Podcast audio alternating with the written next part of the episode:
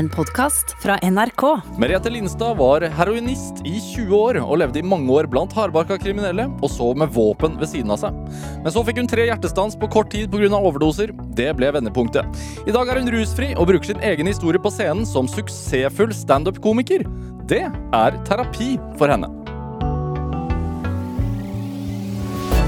Dette er Drivkraft med Vegard Larsen i NRK P2.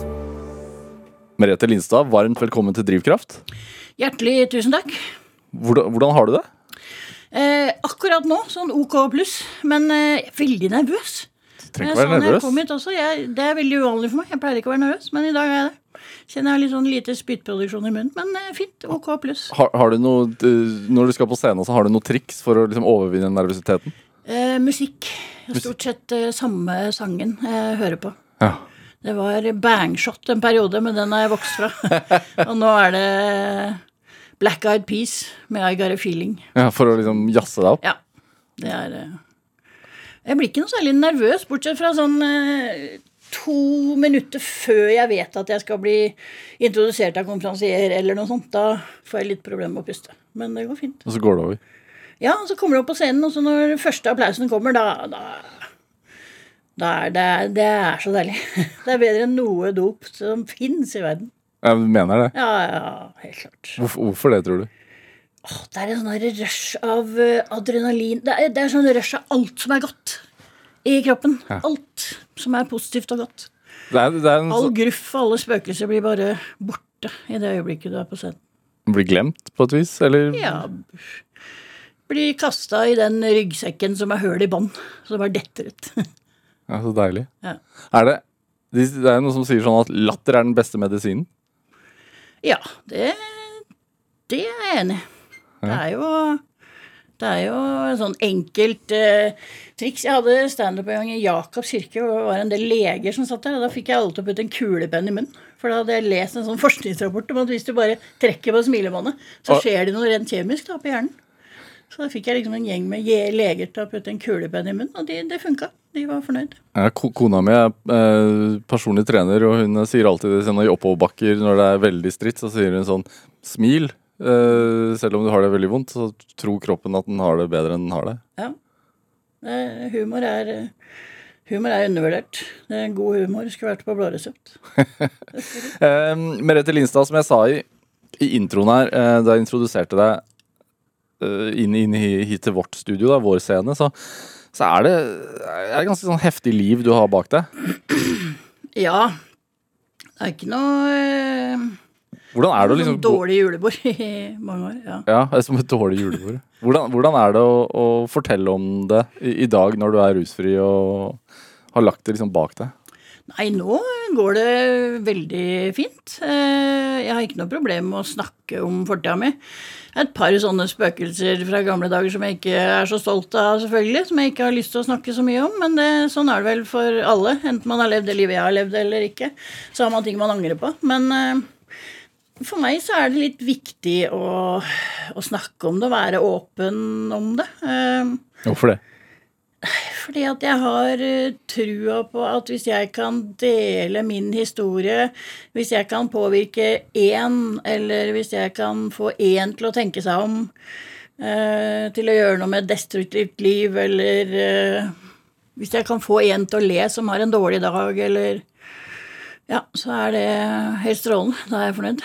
Så, og så er det fint for meg sjøl. Det er en sånn god egenterapi å harselere litt med egen bakgrunn.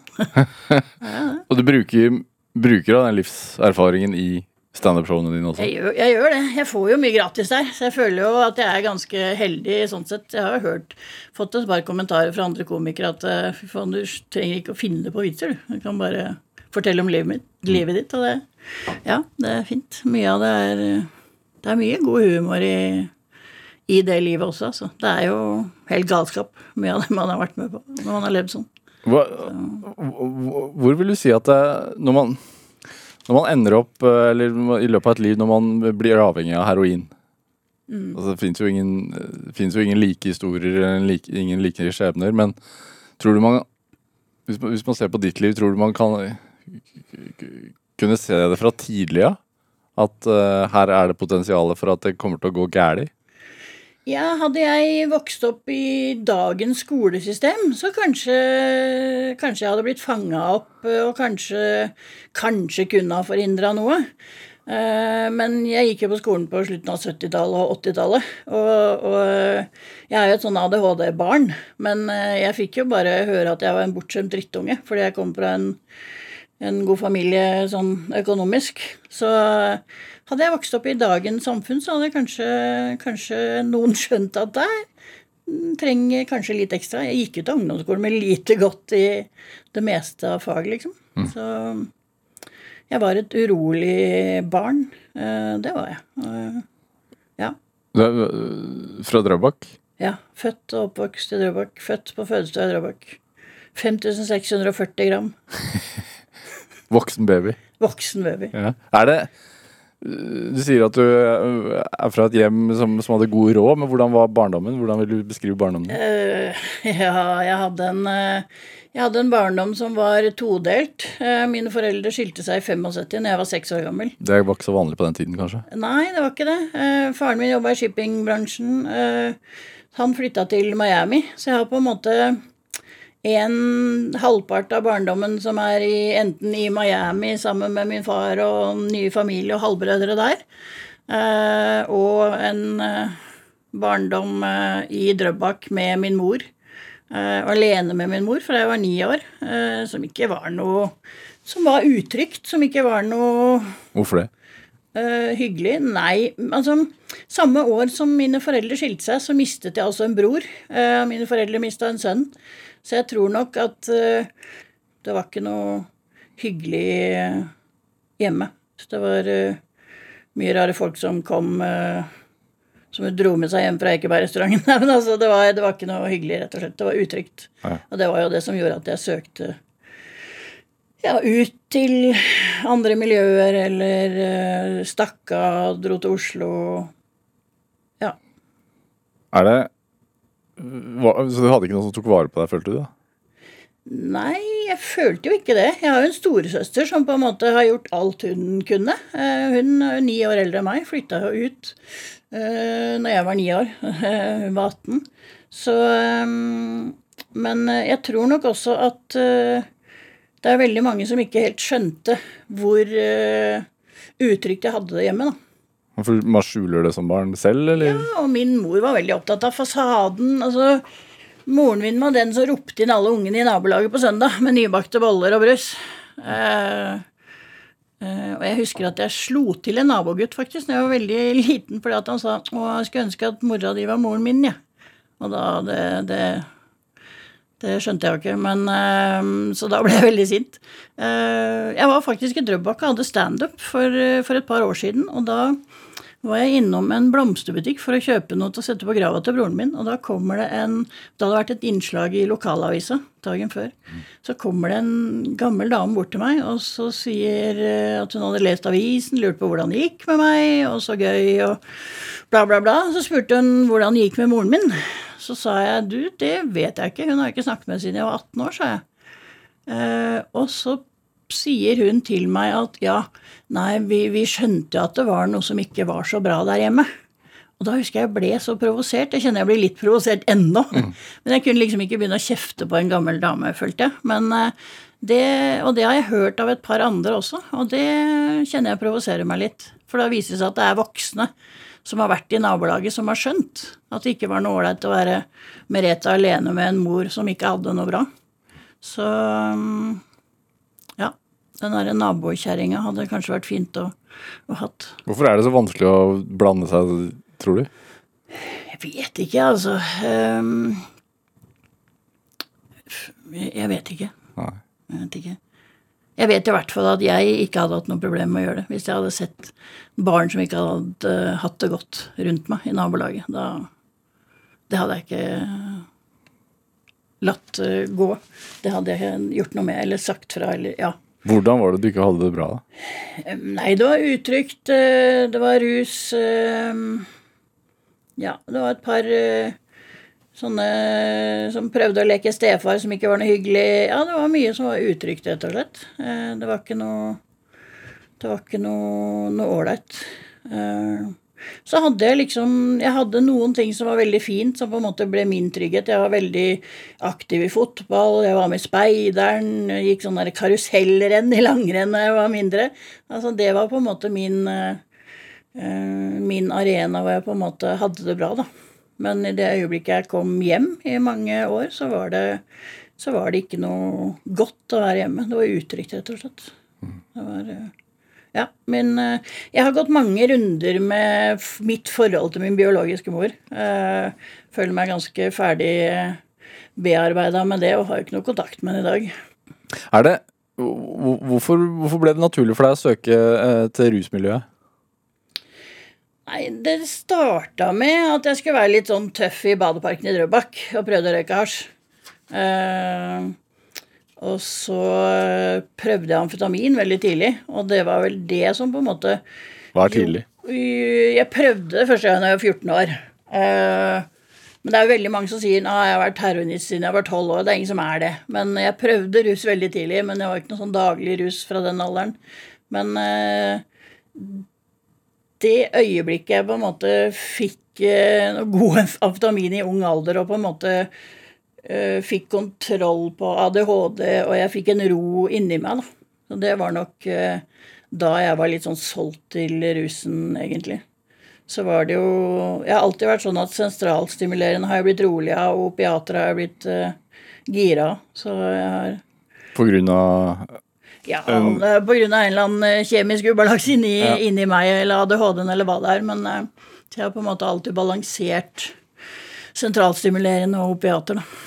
Eh, for å finne den perfekte rusen. Eller ja, det man tror i hvert fall er den perfekte rusen. Det føles ut sånn der og da. Og da er man jo et barn. Ja, ja. Så man har ikke noe, fatter jo ingenting uh, av hva man putter i seg. Hvis jeg ser på 14-15-åringer i dag, så tenker jeg det er jo det, det, De er små. Ja.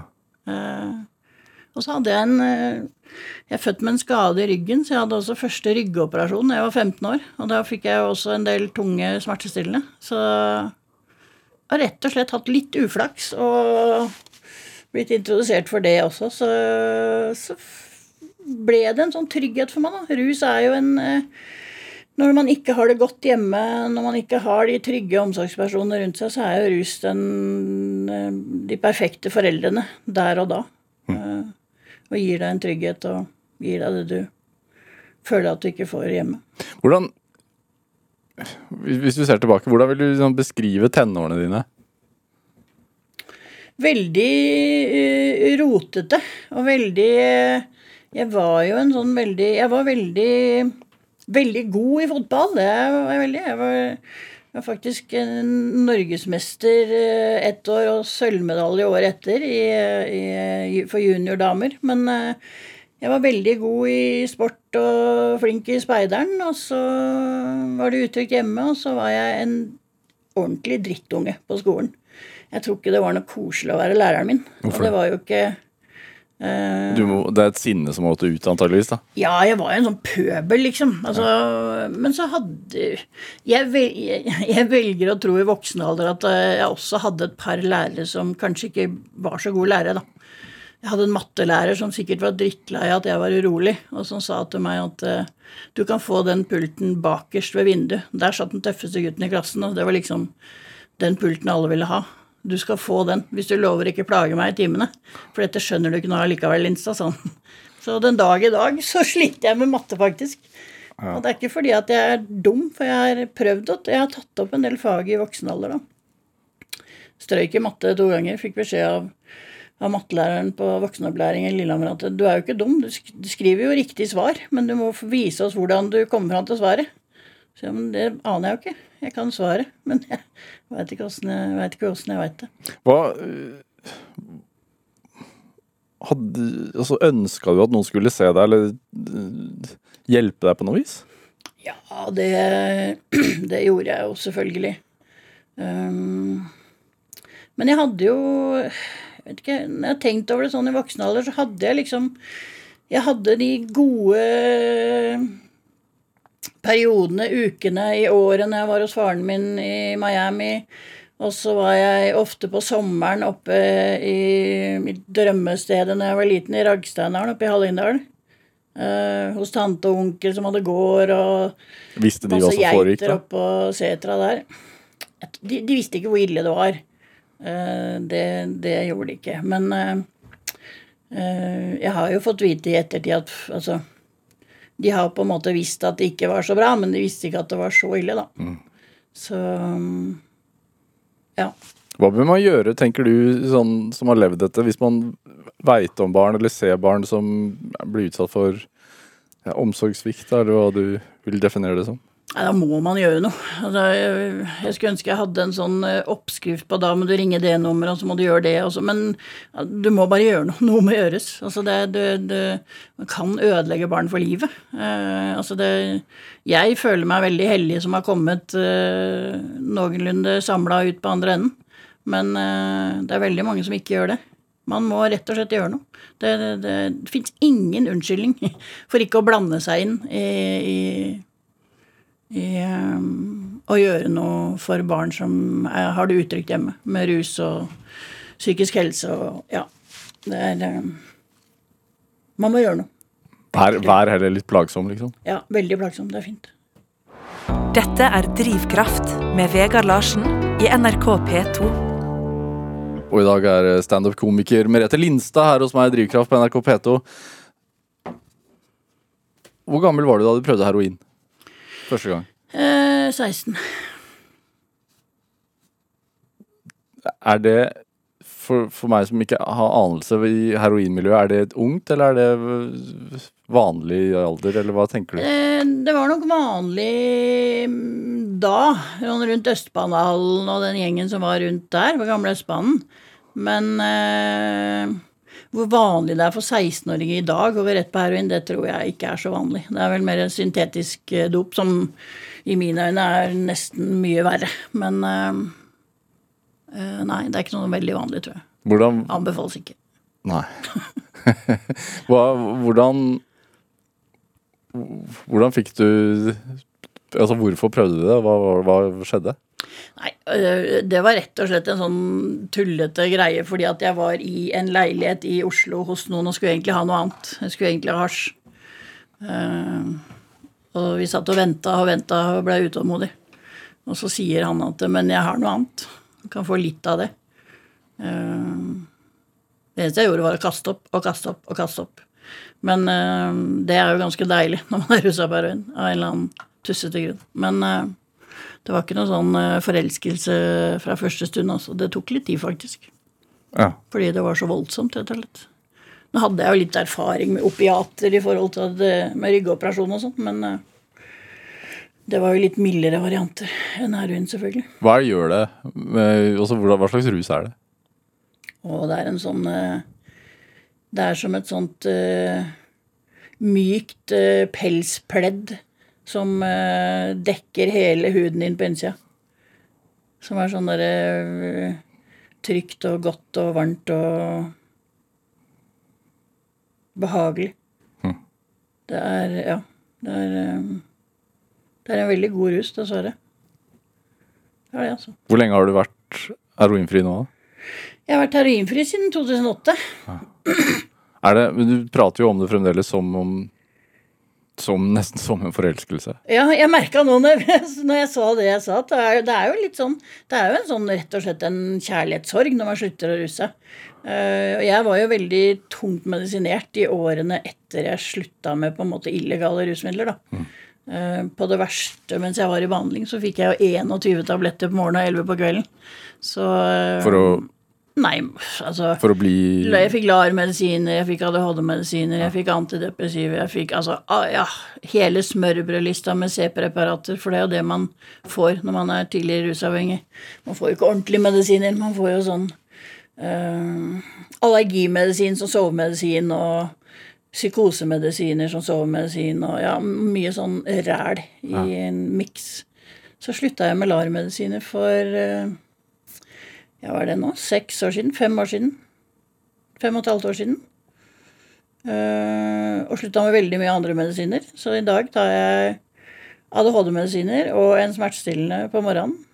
Det Også innimellom eh, noen sånne småtterier, men som ikke er noe farlige medisiner. Så jeg er ganske fornøyd med det. Men det, sånn som når du prøvde heroin som 16-åring, og var det Var utforbakken veldig bratt etter det, eller tok det tid? Nei, det tok litt tid. Eh, og så, når jeg var ferdig på ungdomsskolen, som var rundt den tida der, så Ja, fordi du, da, du prøvde faktisk heroin mens du gikk på ungdomsskolen. Ganske Så hadde jo ikke jeg eh, I Drøbak på den tida så skulle man jo gå på handel og kontor, og noen få gikk på allmenn, liksom.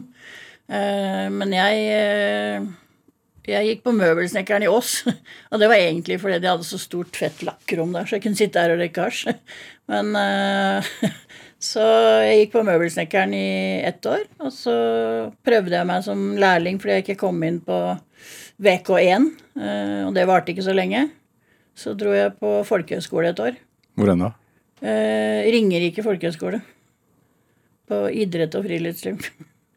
Eh, og det var et eh, Det var et veldig bra år, eh, men jeg levde et veldig dobbeltliv på skolen der. Hvordan da? Nei, for jeg var i, i Oslo og henta rusmidler og rusa meg på folkehøgskolen, men jeg tror kanskje ikke så mange av de visste om det, altså.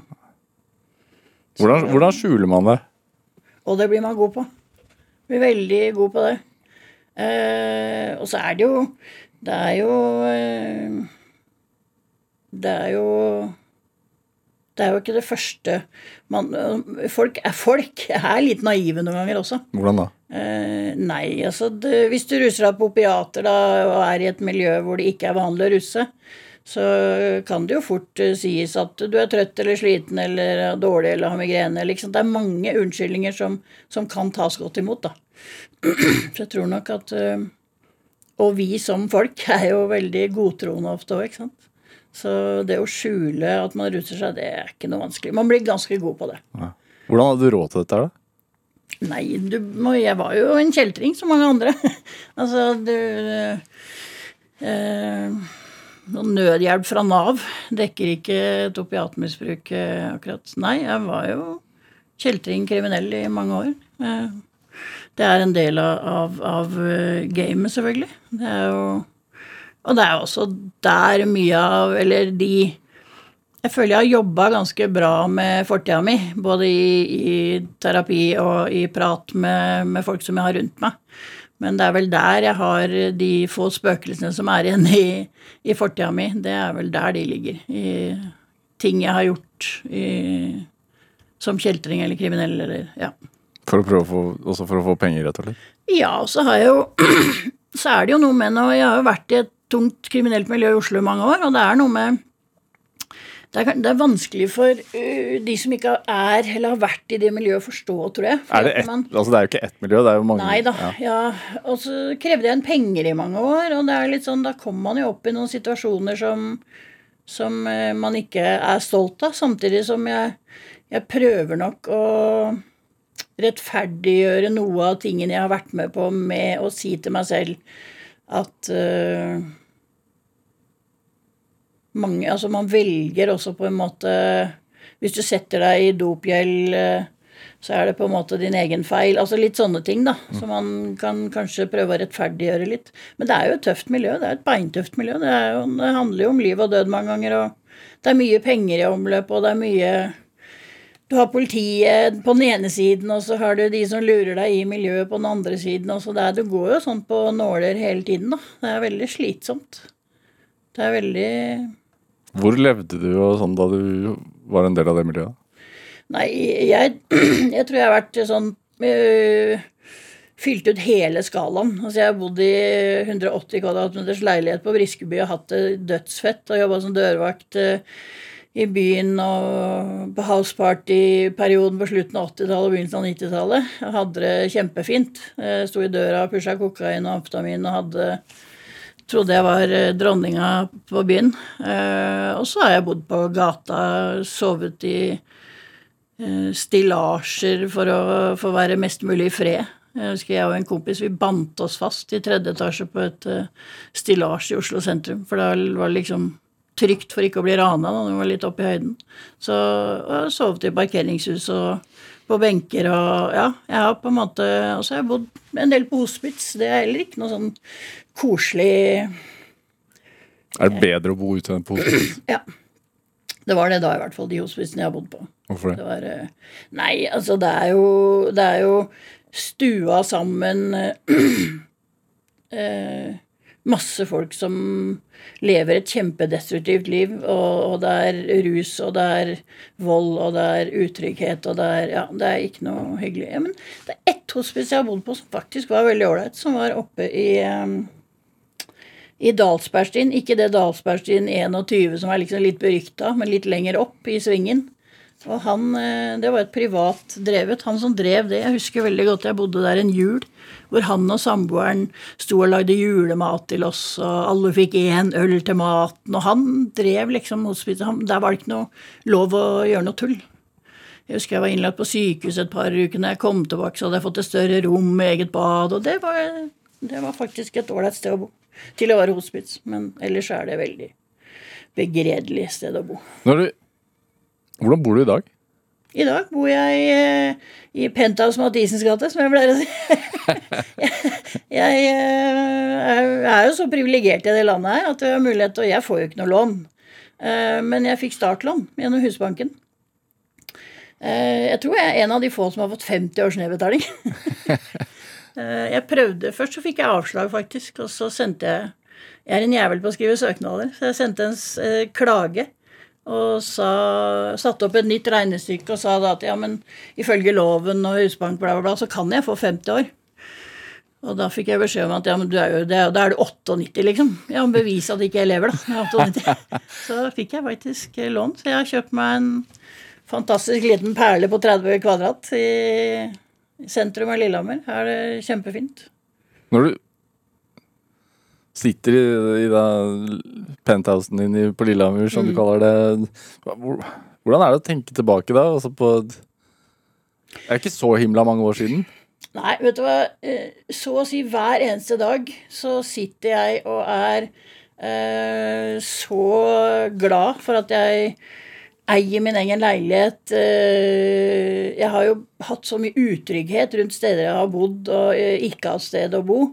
Og det, det å ha, eie min egen leilighet, eh, det er eh, det er, tror jeg er vanskelig for folk å forstå hvis de ikke har levd det livet, da. Eh, Hadde du noe, altså når, det du var levde, veldig stort for meg. når du levde det livet, hadde du noen fremtidstanker i det hele tatt? Eller hva, Nei, hva bare å overleve.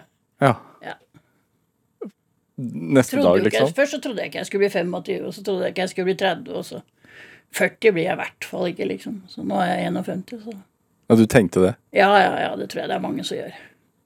Så tror jeg det er jeg håper å si, Heldigvis har ikke jeg vært uh, suicidal opp igjennom. Det er veldig mange som har prøvd å ta, ta livet sitt uh, mange ganger i det miljøet der, og det er fullt forståelig. Jeg er veldig takknemlig for at jeg ikke har hatt mange av de tankene. Det har selvfølgelig vært innom, men uh, jeg, har, jeg har slåss ganske hardt for å holde meg i livet.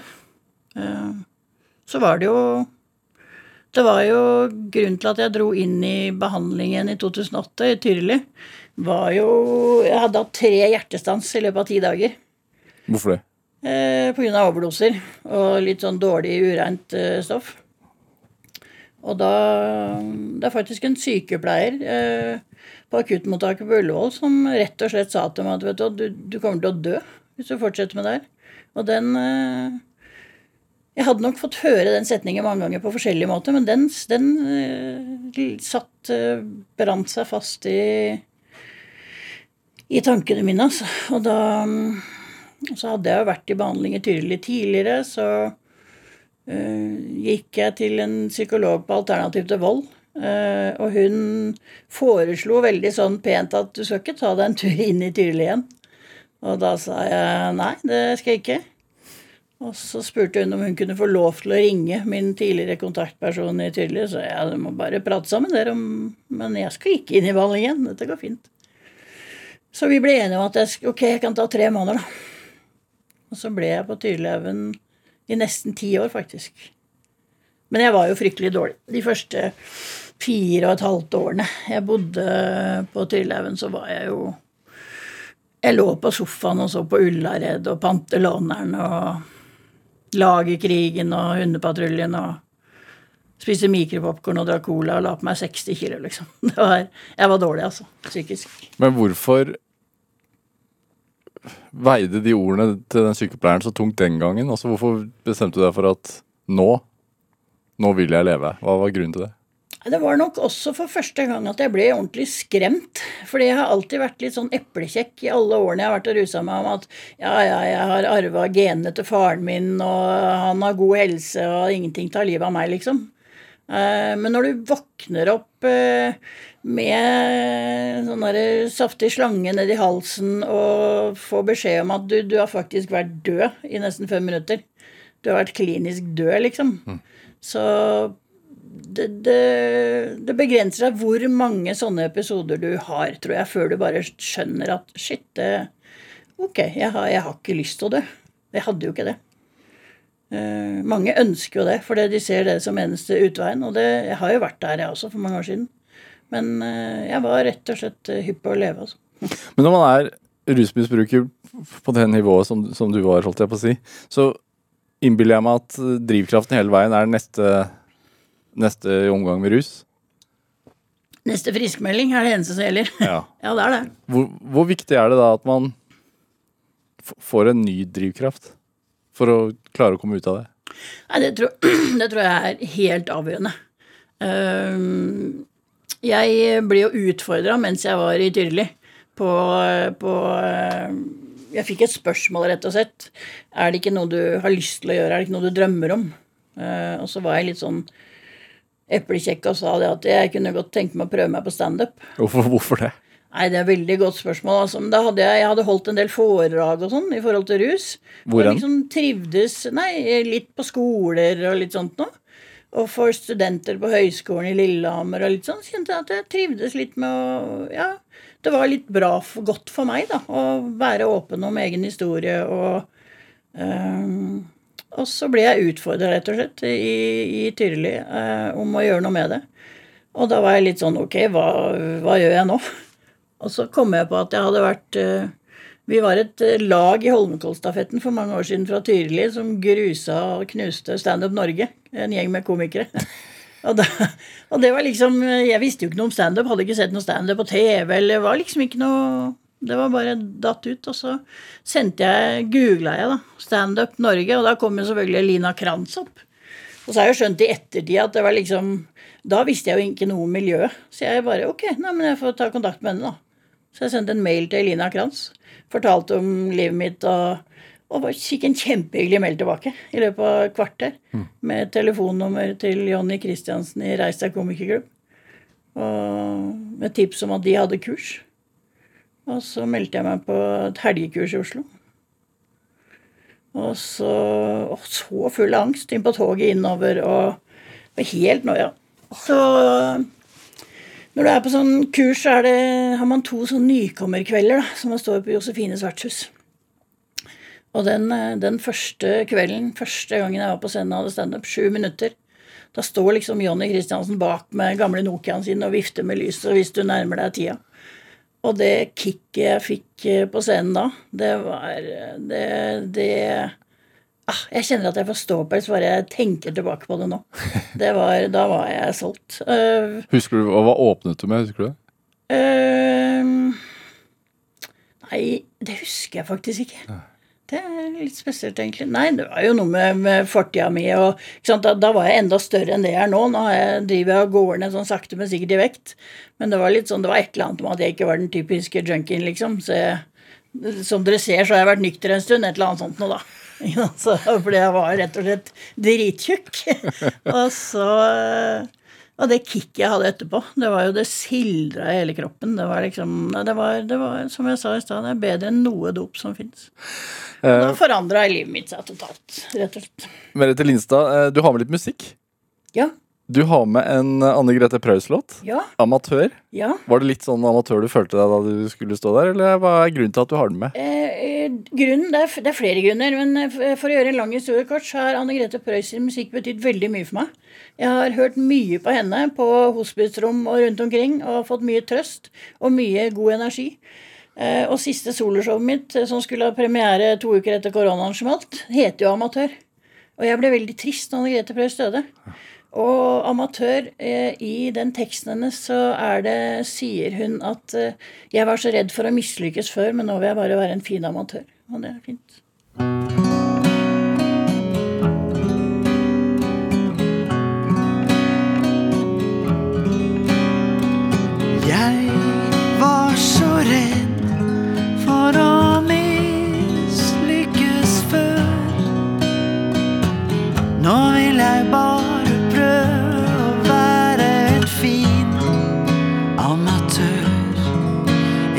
Som prøver, vil og lærer. Som håper drømmen bærer. Det er alltid noen som får en enda større bit. De sier de har vært heldige, men kanskje var det bare slit. Det er alltid noen som er høyere på strå. Men en kan bli både stiv og kald av å stå for lenge på tå.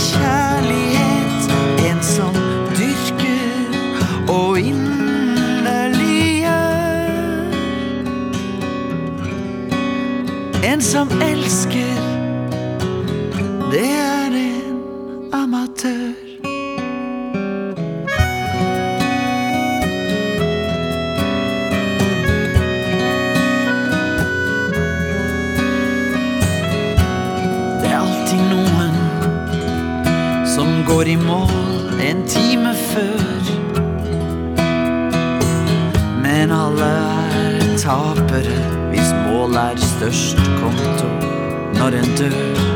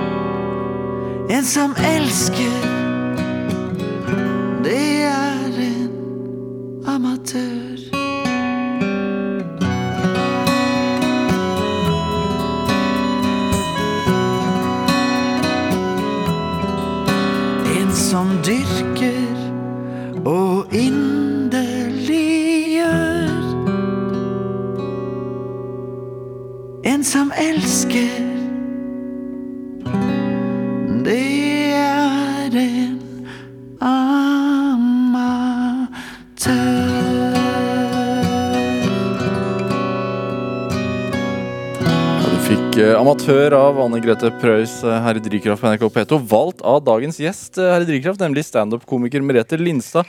Eh, Amatør det, er- det, er et uttrykk man mis, mistolker litt, sa du. Ja, og, og jeg har også brukt det sånn til meg selv. Ja. Jeg, jeg, jeg, jeg, prater mye med meg selv. Men uansett, har, hvis jeg sånn sparker borti dørkarmen eller noe sånt, så åh, jævla amatør, kan, har jeg sagt mange ganger. Ja. Så plutselig begynte amatør, hva er det egentlig betyr? Og det betyr jo en som gjør noe man elsker. Og det er fint. Det er veldig fint. Eh, Lindstad, du, du nevner uh, Tyrili-kollektivet. Ja. At det har betydd mye for deg. Hva, hva, er, egentlig, hva er det egentlig? Nei, eh, Stiftelsen eh, har jo eh, nå en drøss med eh, behandlingssteder rundt omkring i landet, fra Arendal til Trondheim. Eh, jeg har vært inne flere runder. Jeg har vært i Oslo, men nå sist på Tyrili Haugen. da. Nå var første gang du var inne. Eh, første gang jeg var i Tyrili, var i 2001. La du deg inn selv da, eller hvordan skjer det der? I, ja Sånn eh, Da hadde jeg rota meg opp i noe tull, så jeg hadde faktisk en veldig ålreit eh, En av få ålreit politimann i Uropatruljen fra gammelt av som sa det at enten så drar du inn i Tyrili, eller så låser jeg deg inne. Rett og slett. Så Men jeg, jeg ønska jo å bli rusfri. Jeg hadde, jeg hadde hatt en rusfri periode, og så gikk jeg inn i et forhold. Og når det røyk, så begynte jeg å ruse meg igjen. Så da holdt jeg på noen år igjen, og så inn i Tyrili første gangen. Så ja, Tyrili-stiftelsen betyr veldig mye for meg, og har redda livet mitt uh, opptil flere ganger. Er som, uh, kan du beskrive hva, hvordan fungerer det? Nei, det, det, det Tyrili-stiftelsen er jo landslaget i rehabilitering vil jeg si, i, i Norge. Men altså Tyrili-stiftelsen det, som- det som jeg syns er veldig fint, det er uh, den likheten som er. Altså kommer du inn Altså inn, eller pasienter, sier man jo nå, da. Jeg er jo helt imot det. For litt tydelig så har man i alle år sagt elever. Og ledere, de som jobber der. Mens nå er det pasienter og ansatte. Jeg nekter å si det. Så elever, det, det er fint. Hvorfor syns du at det er feil å si pasient? Nei, jeg liker bare ikke ordet pasient. Det er bare en sånn tullete greie jeg har, tror jeg. Men eh, ja. Men det er jo fint at man som rusavhengig fikk eh, rettigheter som pasient, selvfølgelig, for noen år siden. For da, da ble jo systemet mye bedre. Men Tydelighetsstiftelsen er eh, Altså det er eh, en, en dag i Tydelighetsstiftelsen er liksom starter med en sånn felles morgensamling eh, på morgenen hvor man går gjennom dagen. Det spiller ingen rolle om du er enhetsleder eller om du er helt fersk elev eller pasient. Får du tildelt å vaske dobbeltdoen i første etasje, så er det det du skal gjøre. Alle vasker Det er jo de reneste husene og toalettene i hele Norge. Det er jo behandlingssteder. For du blir jo vaska hver dag. Er, er det som en folkehøyskole, eller som en Ja, det kan du kanskje si. Ja. Det er jo et fellesskap da, som, som på en måte øh, Og jeg, jeg mener jo at noe av det som gjør at Tyrili er såpass vellykka med, med de som er i behandling her, er jo nettopp ikke minst menneskesynet, som de som starta Tyrili i sin del i 1980 oppe i Mesnalia. Eh, og eh, de som jobber i Tyrili i dag, altså det er spesielle folk. Eh, det er ikke hvem som helst som blir en god leder i Tyrili. Det er, det er De er fine folk alle sammen. Det er liksom ikke Du finner ikke noen fordomsfulle eh, usympatiske ansatte i Tyrilistiftelsen, vil jeg si. Hvor viktig er det å være fordomsfri? Nei, det er jo selvfølgelig viktig. fordi at um, mange av oss som har levd det livet vi har levd, når det kommer altså Tenk på alt de får høre av historier, og tenk på alt de må finne seg i, i av uh, obsternasi og uh, ufine kommentarer på en dårlig dag. Altså, det er, det er mye forskjellig. Det er jo veldig mange som ikke har det bra. I hvert fall i begynnelsen når man kommer inn, da. Så det er jo veldig Jeg tror nok det er mer en livsstil å være ansatt i Tyrili enn en Det er ikke noe ni til fire-jobb. Hvordan eh, Altså sist gang, Siste gang du var der, hvilke tanker hadde du om hvor lenge du skulle være der? Nei, jeg sa jo jeg skulle være der i tre måneder, sa jeg til behandleren min på Ja. Alternativ 12. Og så ble greit, du der i Jeg være der i tre måneder. Jeg rakk akkurat å flytte ut, for jeg hadde bodd der i ti år. Men nå var jo jeg veldig privilegert som kom fra Oslo, da, og var på en såkalt Oslo-plass. Eh, Fra velferdsetaten i Oslo.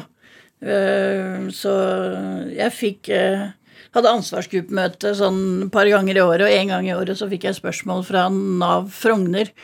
Vil du fortsette å være på Trillehaugen? Ja, det vil jeg gjerne. Ok, så fikk jeg ett år til og ett år til og ett år til. Ja, for det er, veldig, det er fullt frivillig å være der. Det er, Ja da, man er ikke ja tvangsinnlagt. Nei. Uh, Tyrili hadde jo eh, barnevern på tvang eh, på, på Tyrili-tunet og Frankmotunet, men det er en del år siden nå. Så det er ikke noe tvang i Tyrili mer. Men du hadde tenkt å være der i tre måneder, det var liksom det du skulle gi det, og så ble Ja, år. Ja, jeg mente at jeg ikke trengte mer. Jeg, trenger bare å slappe av litt og spise meg opp litt. Og, ja. og så spiste jeg meg opp veldig mye da på de ti åra. Men eh, jeg hadde behov for å Jeg hadde ikke behov for å være her så lenge, men det ble jo For meg så ble det en sånn trygghet, da. Eh, mye av det jeg sleit med når jeg slutta å ruse meg, var jo at jeg fant ut at jeg hadde innmari mye angst som jeg egentlig ikke hadde var klar over før at jeg hadde. Som du hadde dempa? det bort. Ja. Så, um, så Tyrili var en veldig Jeg vet at jeg ikke hadde vært i live i dag hvis det ikke hadde vært for tydelig, Og at jeg var så heldig og privilegert at jeg fikk bo der så lenge. Det, det er jeg ganske takknemlig for, altså. Men vurderte du Altså Var det perioder du tenkte nå orker jeg ikke mer? Ja, jeg hadde jo veldig ofte lyst til å ruse meg. Eh, Men jeg hadde og Det høres sikkert veldig eh, rart ut for noen av lytterne, men eh, uten å høres ut som en sånn crazy cat lady, så, så hadde jeg jo Det som er fint med Tyrleven, er at man kan ha dyr der. Og jeg hadde en katt. Og ofte når jeg tenkte at nå stikker jeg til Oslo, nå orker jeg ikke mer, nå ruser jeg meg så slo det inn en sånn bryter, litt sånn som hun sykepleieren som sa nå kommer du til å dø hvis du, hvis du ikke slutter. Så slo det inn en bryter der hvor som sa du kan ikke bare stikke fra den katten. Det er ditt ansvar. Og det ble en sånn eh, ja, litt flåste sagt en enkel grunn da, for å holde meg sjøl igjen. Okay. Nei, jeg kan ikke bare stikke fra katten. Hva het den katten, da? Hæ? Hva het katten? Eh, Den, er på stamtavla så heter den Rapsi, men eh, populært kalt Påsan, eller gamlemor. Hun har jo nå blitt eh, hun, eh, 13 år blir hun nå snart. Er det Altså, det er en katt Det er en katt som gjorde det. Mm. Bare, Pelsterapi er undervurdert, altså. ja. Jeg var ikke så glad i folk i lange perioder. Jeg var ikke så Jeg tror nok veldig mange av lederne på Tyrlehaugen reiv seg i håret over meg noen ganger. Fordi at jeg var ikke så lett å få ut av, av leiligheten når jeg flytta i leilighet der. Jeg hadde mange Jeg brukte ofte ryggen min Jeg har jo mye kroniske smerter, for jeg har operert i ryggen en del ganger. Så jeg brukte nok ryggsmerter litt oftere enn det som var nødvendig. Eller det jeg trengte. Det ble, var en god unnskyld. Nei, jeg har ikke lyst til å være sammen med noen i dag. Jeg har så vondt i ryggen. Jeg kan ikke komme på jobb i dag. Jeg lå jeg på sofaen og spiste mikropopkorn og så på Ullared og koste med katten. Hvor, hva er det som gjorde at du kom deg på bena og ut, da? Nei, det var jo eh, når jeg ble utfordra på dette med standup. Stand Da. da fikk jeg på en måte Da fikk jeg noe i livet mitt som, som var verdt å slåss for. Det, Det ga meg liksom Jeg er veldig Jeg er nok veldig sånn sensitiv eh, på Jeg er avhengig av å ha noe som gir meg noe godt da, i livet. Det er vi jo alle, egentlig. Og humor er det som gir meg noe, noe godt. Hvis jeg kan få noen til å le, så er jo det helt strålende. Hva, hvordan jobber du frem Altså de første, du, du sa at du debuterte på Josefine på sånn eh, de- debutantkveld, holdt jeg på å si. Nykommerkveld. Nykommerkveld. Eh, og du hadde et sett som var sju minutter, var det sånn? Mm. Hvordan jobbet du frem de, syv minutterne, husker du det? Ja, vet du hva, det var veldig krevende. Jeg gjør jo ikke det nå i det hele tatt. Nå river sikkert Johnny seg det lille håret han har, hvis han hører på. Men altså, vi lærte jo veldig på dette kurset i Reis deg komikerklubb at der skal du jobbe med tekst, og du skal jobbe med tekst, og du skal ha punchline, og jeg har fortsatt ikke skjønt greia med punchline. Men altså, du skal Det er tekstjobbing, tekstjobbing, tekstjobbing. Jeg hadde ikke noe lyst til å sitte og skrive, jeg hadde bare lyst til å prate. Og så funka det. Men jeg hadde veldig sånn derre Og jeg er ikke noe sånn jeg kan ikke jeg, jeg, Sånn er det hvis jeg har foredrag også. Eh, Jeg har hatt foredrag på en del sånne konferanser og seminarer, og da er det ofte de spør Ja, kan vi få det skriftlig? Sånn for, vi har ikke noe skriftlig. Det, er, det sitter her. Jeg er ikke noe glad i skriftlig materiale og pugge ting og sånn. Nei, jeg må bare jeg bestemmer meg for hva jeg skal prate om, og så gjør jeg det. Hva er det som funker best, da? Hva, er det som får, hva, som, hva fremkaller mest latter på showa Det dine? mye røverhistorier. Ja, det funker alltid. Ja. Ja, det gjør det. Har, har, du, har du et eksempel? Ja, nei, altså jeg har jo, jeg har jo en sånn om Altså, vi pleide å stå oppe ved, ved På 70-tallet tror jeg de begynte med det, så hadde de sånn seksmøte, eller femmøte, bak monolitten, hvor de solgte hasj. Eh, og på slutten av 80-tallet så hadde vi også, men vi hadde seks møter da, for da tenkte vi at da kommer ikke politiet, for de tror de er der fem. Så dum blir det, da. Men uansett, så der sto vi og pusha kokain og ecstasy og hasj. Og så hadde vi et sånn depot da bort på uh, Vestre Gravlund, som ligger rett bak. Og på Vestre Gravlund så har de noen sånne fornemme, fine familiegraver. Som er sånne svære granittblokker som du kan skyve til side, og så er det en trapp. Og så er det sånn urnerom. Og der eh, har jeg en historie om at vi, eh, vi hadde liksom stæsjet vårt eh, der nede, og så er det en, en god venn av meg som skulle bort og hente mer, da. for Vi var tom for kokain. Og så kommer han jublende tilbake og sier at han har funnet en ny hjemmeplass. Han har putta det oppi urnene istedenfor. Og noen ganger så må du forklare litt på hvordan en klipspose ser ut, da, men så pleier jeg ofte å si at hvis det er noen som har dårlig råd, eller i hvert fall i disse koronatider, så kanskje vi skal ta en DNA-test. Altså kanskje plutselig, hvis du har snorta kokain på vestkanten på 90-tallet, så kanskje du har noe DNA fra en eller annen fornem familie på vestkanten. For. Men, eh, men eh, ja, altså noen nedgravde penger på Sognsvann som jeg aldri finner igjen og sånn. Og det er også en, eh, en greie rundt når det er kommet nye sedler da, nå det siste ikke sant. Så er det jo Jeg har fortsatt eh, eh, 400 kroner som ligger nedgravd et eller annet sted på Sognsvann. Ikke sant, sånn tullete greier. Men ja. Og da også er det jo sånn du finner Du blir jo Du tror jo du blir veldig smart når du er rusa. Ja. Og det å gjemme ting i skogen da er det sånn der, Du teller syv grantrær på venstre side og tolv bjørketrær på høyre side, og så hopper du fire skritt, og så, ja, ikke sant? og så graver du ned der. Så ja, nei, det er Ja. Ja. Det er svart humor, da, dette her.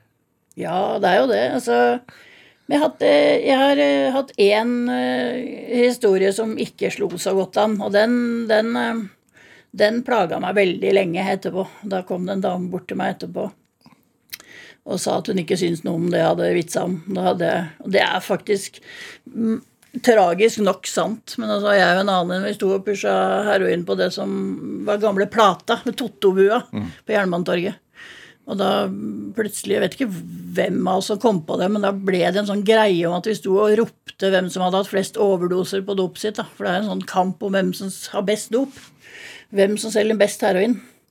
Og da var det liksom Jo flere overdoser du hadde folk hadde fått av, av stoffet ditt, jo bedre var det, og jo flere kunder fikk du.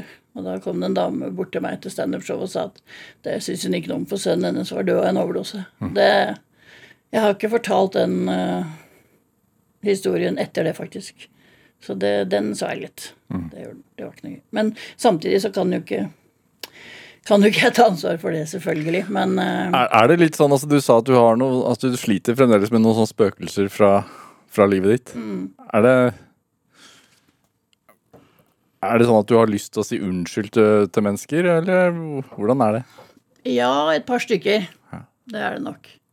Det er, ehm, Sitter det langt inne?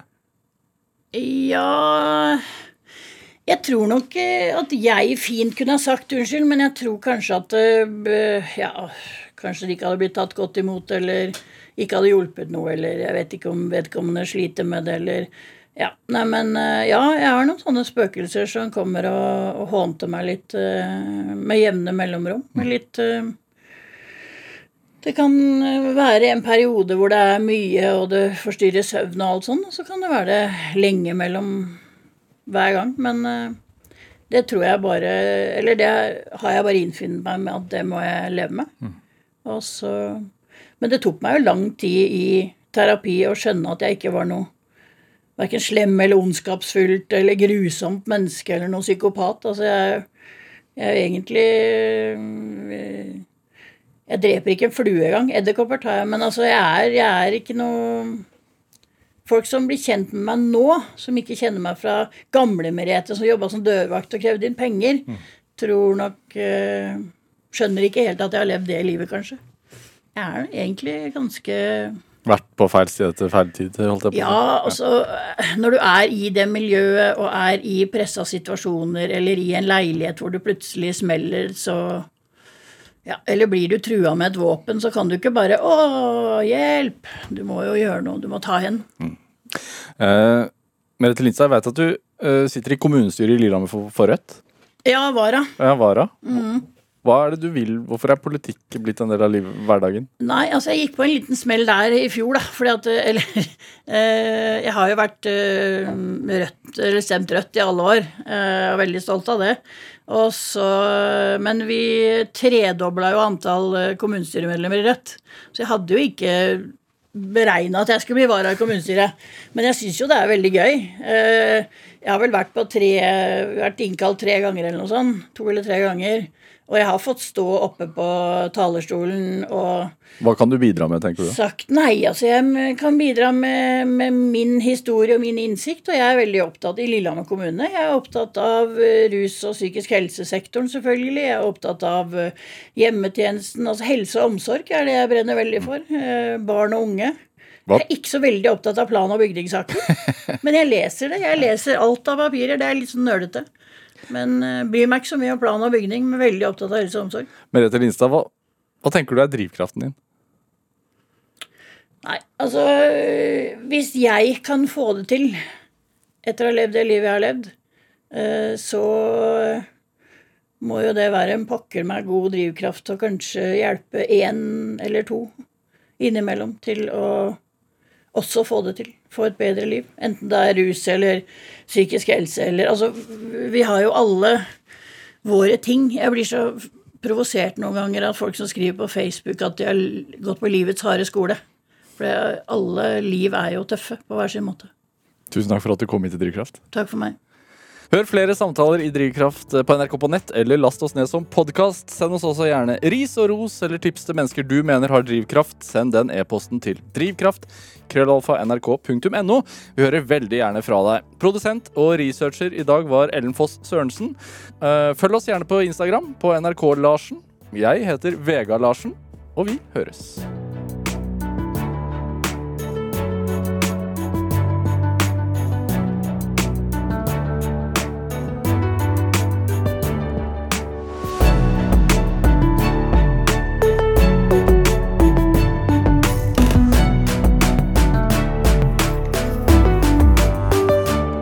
Du har hørt en podkast fra NRK. Hør flere podkaster og din NRK-kanal i appen NRK Radio.